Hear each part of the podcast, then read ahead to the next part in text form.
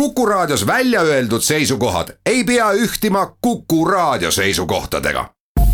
Te kuulate Kuku Raadiot.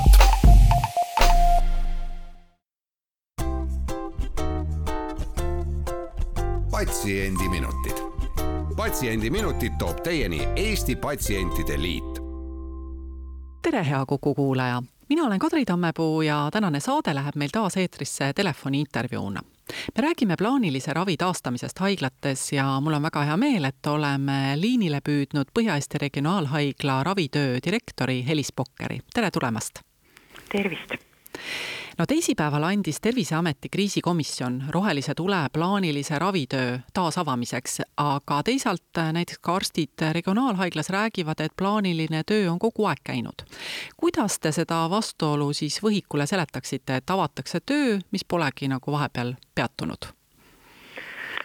jaa, tegelikult ongi niimoodi, et, et haiglad oma võimekust ja nii personali kui ruumiressursse äh, arvestades tegid ise otsused, kuidas nad sellele viirusperioodile ja pandeemiale siin ette lähevad. osad tõesti ilmselt katkestasid plaaniliste haigete vastuvõtmise, aga regionaalhaiglas me siiski kõiki nii-öelda aegkriitilisi plaanilise patsientide ravisid ka jätkasime, ennekõike onkoloogiliste ja hematoloogiliste diagnoosidega, aga ka paljude teiste krooniliste haiguste tõttu, kus oli arvata, et pikem ravipaus või ravi viibimine võib selgelt patsiendi ravi tulemust halvendada või elukvaliteeti hiljem rikkuda.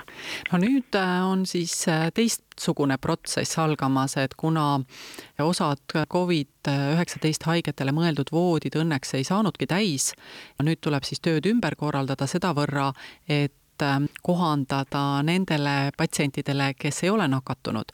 et milline on nüüd see uus normaalsus, mida haiglates peab hakkama jälgima, no vähemalt nii kaua, kuni uut koroonaviirushaigust ei osata kas ravida või, või ei ole vaktsiin valmis, et kuidas te kaitsete neid, kes ei ole koroonaviirusega nakatunud? ja ongi vaatamata sellele, et äh, plaanilist tööd üha enam järk-järgult avardatakse siis ega viirus meie ümbert kadunud ei ole. Ja plaanilise töö käigus, mis toob haiglatesse ja polikliinikutesse palju rohkem patsiente, kes on käinud nüüd siin viimase kuu aja jooksul, on võtmesõna ohutus. nii patsientide ohutusele mõeldes kui ka personali ohutusele mõeldes, sest kui ei ole abistajaid, siis ei saa ju abi ka abivajajad et üsna mitmeid meetmeid tuleb tarvitusele võtta selleks, et tagada võimalikult ohutu ravi või diagnostikaprotseduuri tõttu haiglasse tulek. näiteks äh, Covid viiruse testid enne plaanilist ravi või mõnda protseduuri, mis on äh, ohtlikum personalile, tuleb kindlasti hajutada patsientide liikumist haiglahoonetes, et äh, tagada kas nüüd kaks pluss kaks, aga siiski tagada piisav vahe, et, et ootesaalid ei oleks väga täis.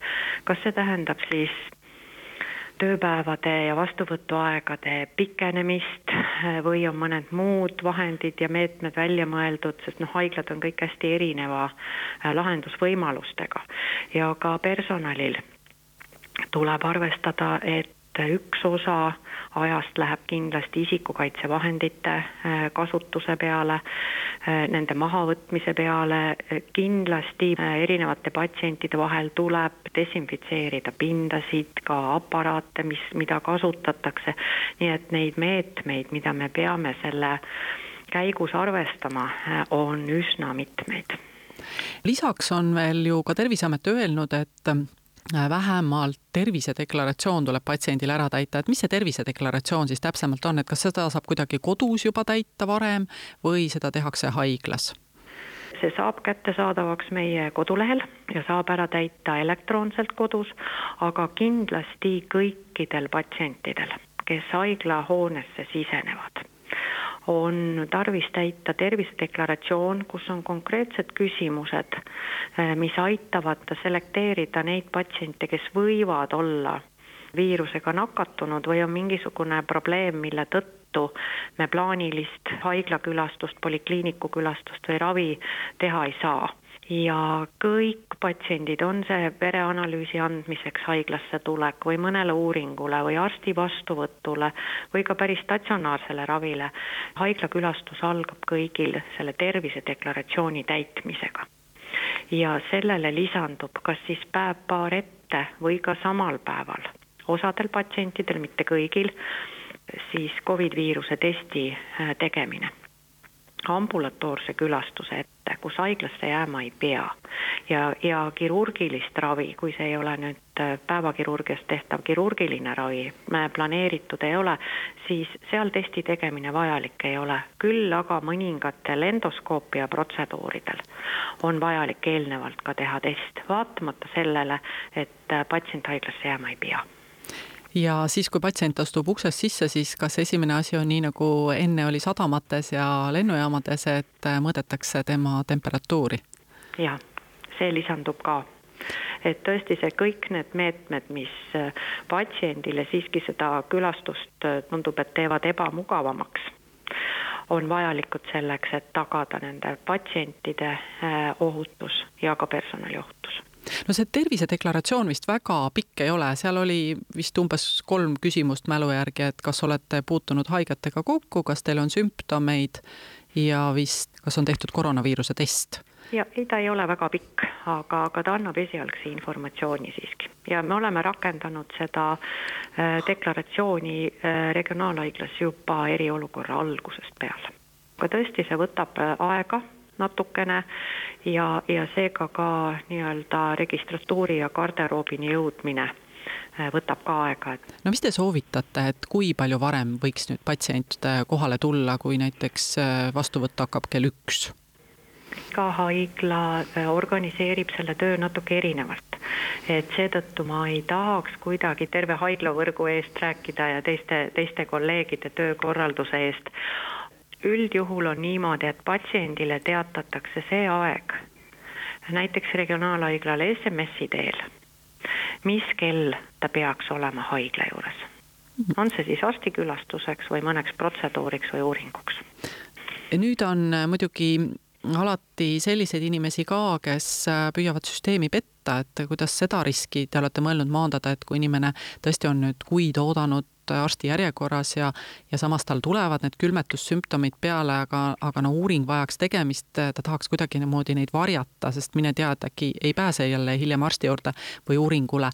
et äh, kuidas te plaanite nende juhtumitega hakkama saada? ega tegelikult on ju niimoodi, et äh, see tervisedeklaratsiooni täitmine ongi aususe peal ja ma arstina soovitan küll ja, ja väga-väga palume, et patsiendid jääksid oma vastustes ausaks. ükskõik millise viiruse, see võib olla gripp või mõni muu viirus ka, see ei pea olema sugugi seotud meie Covid viirusega, mis meile praegu siin probleeme juurde tekitab. kas selle viiruse taustal on ravisid, mida ei peaks tegema, sest see ravi talumine ja hilisemad tüsistused ja probleemid võivad olla palju-palju suuremad. et kui tõesti nüüd juhtub niimoodi, et uuring või mõni raviprotseduur on planeeritud ja patsient haigestub, siis raviarstid määravad selle protseduuri või ravi või uuringu tegemiseks uue aja siis, kui patsient on tervistunud. ega ta tegemata ei jää aga läheme siit väikesele pausile, mõne minuti pärast oleme tagasi, nii et jääge kuuldele. patsiendiminutid. patsiendiminutid toob teieni Eesti Patsientide Liit mina olen Kadri Tammepuu ja me räägime tänases saates doktor Helis Pokkeriga plaanilise ravitöö taastamisest Regionaalhaiglas kuidas regionaalhaiglas isikukaitsevahenditega on selge, et neid nüüd hakkab rohkem kuluma, kui patsient tuleb, kas temal peaks nüüd ka mask ees olema või haiglas antakse talle mask, kui on vaja, kuidas te plaanite isikukaitsevahenditega just patsiendi poolelt nüüd hakkama saada?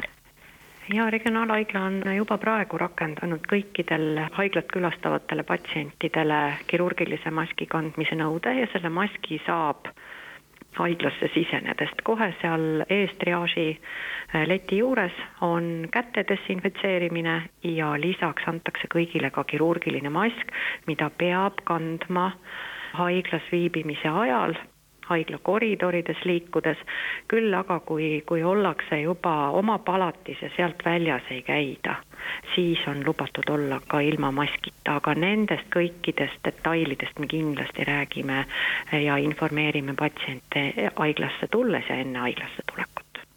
Kui ähm, viirusega arvestamine ravimisel hakkab võtma rohkem aega, kas raha ja vahendeid on ka selle võrra rohkem või see ikkagi kipub tulema selle arvelt, et näiteks ka patsiente saab vähem päevas vastu võtta?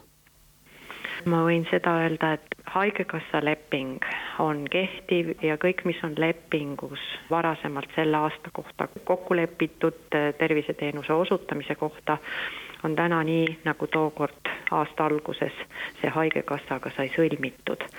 et loomulikult isikukaitsevahendid on nii-öelda lisakulu, teatud äh, ravide eelselt ja protseduuri eelselt ka see Covid test, millest ma rääkisin, on lisakulu, aga Haigekassa on sellega arvestanud.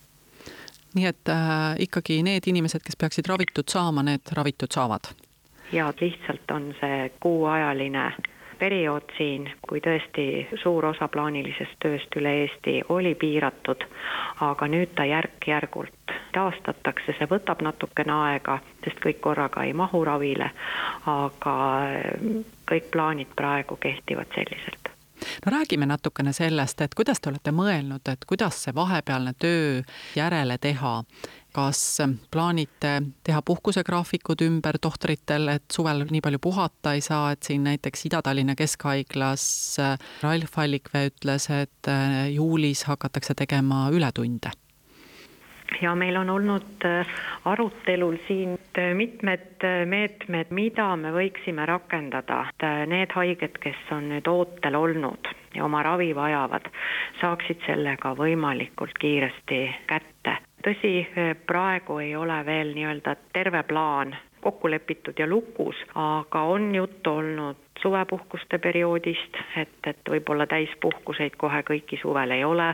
Ja ka vastuvõttude aja pikendamisest, et üsna mitut varianti me oleme siin arutanud ja kaalunud, et kõik haiged, kes on ootel olnud, saaksid oma ravid ka kätte kas see on õige jutt, et regionaalhaiglas oli eriolukorra ajal erakorralisi südamehaigeid kolmekümne protsendi võrra rohkem kui tavapäraselt, et?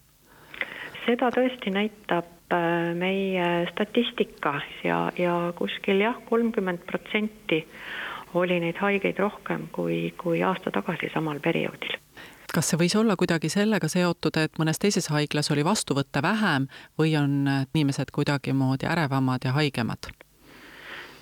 Ma ei oska seda kommenteerida, kas nüüd see oli see mõju, et, et osades haiglates oli plaanilist tööd rohkem kinni või kuidagi haigete vastuvõtmine vähem, et nad lihtsalt äh, nii-öelda rohkem pöördusid meie haigla poole, siis peaks vaatama teiste haiglate statistikat võrdluses.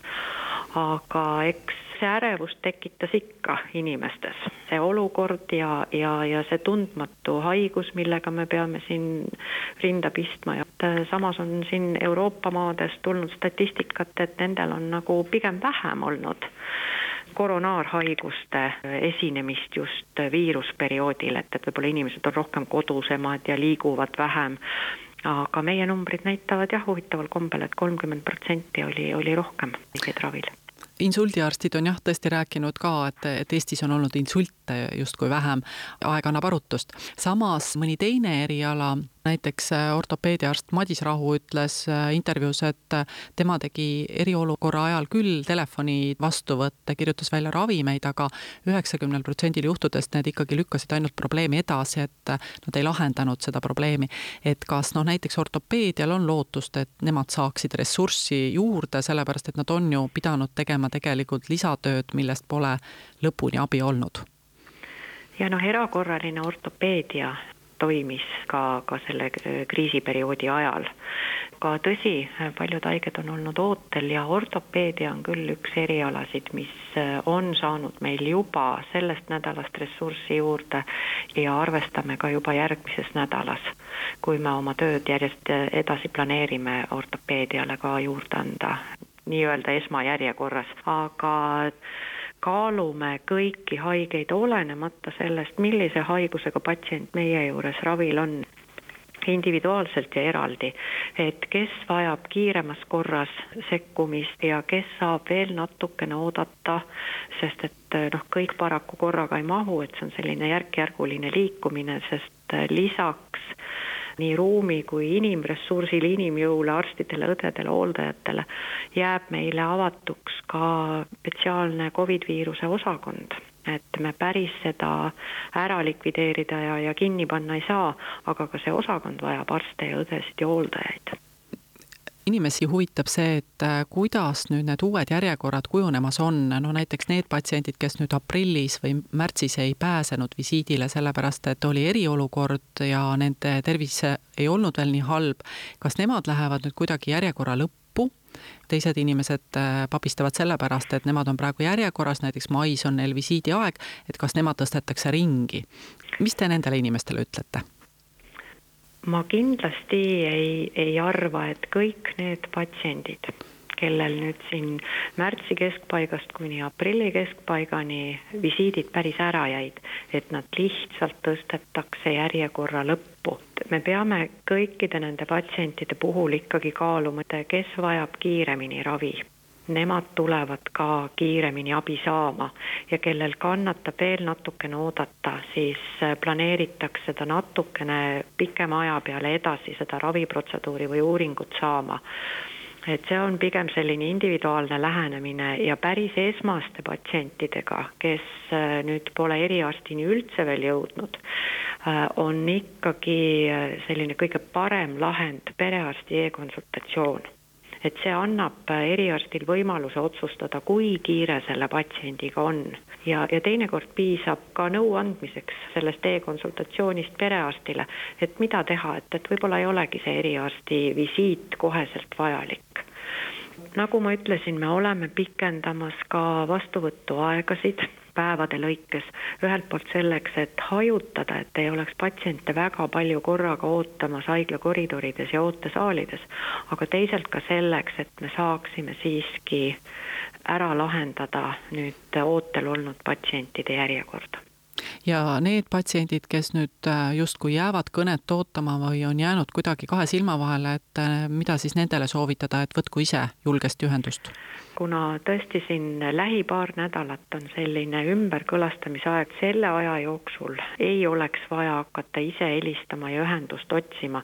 aga kui juhtub, et äh, mõni kotermann sisse lipsab, siis kuu aja pärast võiks juba helistada? jaa, siis võib küll ühendust võtta. selge, aga suur aitäh Põhja-Eesti Regionaalhaigla ravitöö direktor, doktor Helis Pokker ja soovin teile jõudu ja edu, et kõik ootelpatsiendid võimalikult kiiresti ravile pääseksid. aitäh teile ja püsige kõik terved! aitäh! täname ka kõiki kuulajaid, saadet juhtis Kadri Tammepuu, oleme taas eetris nädala pärast ja seniks olgem terved! patsiendiminutid. patsiendiminutid toob teieni Eesti Patsientide Liit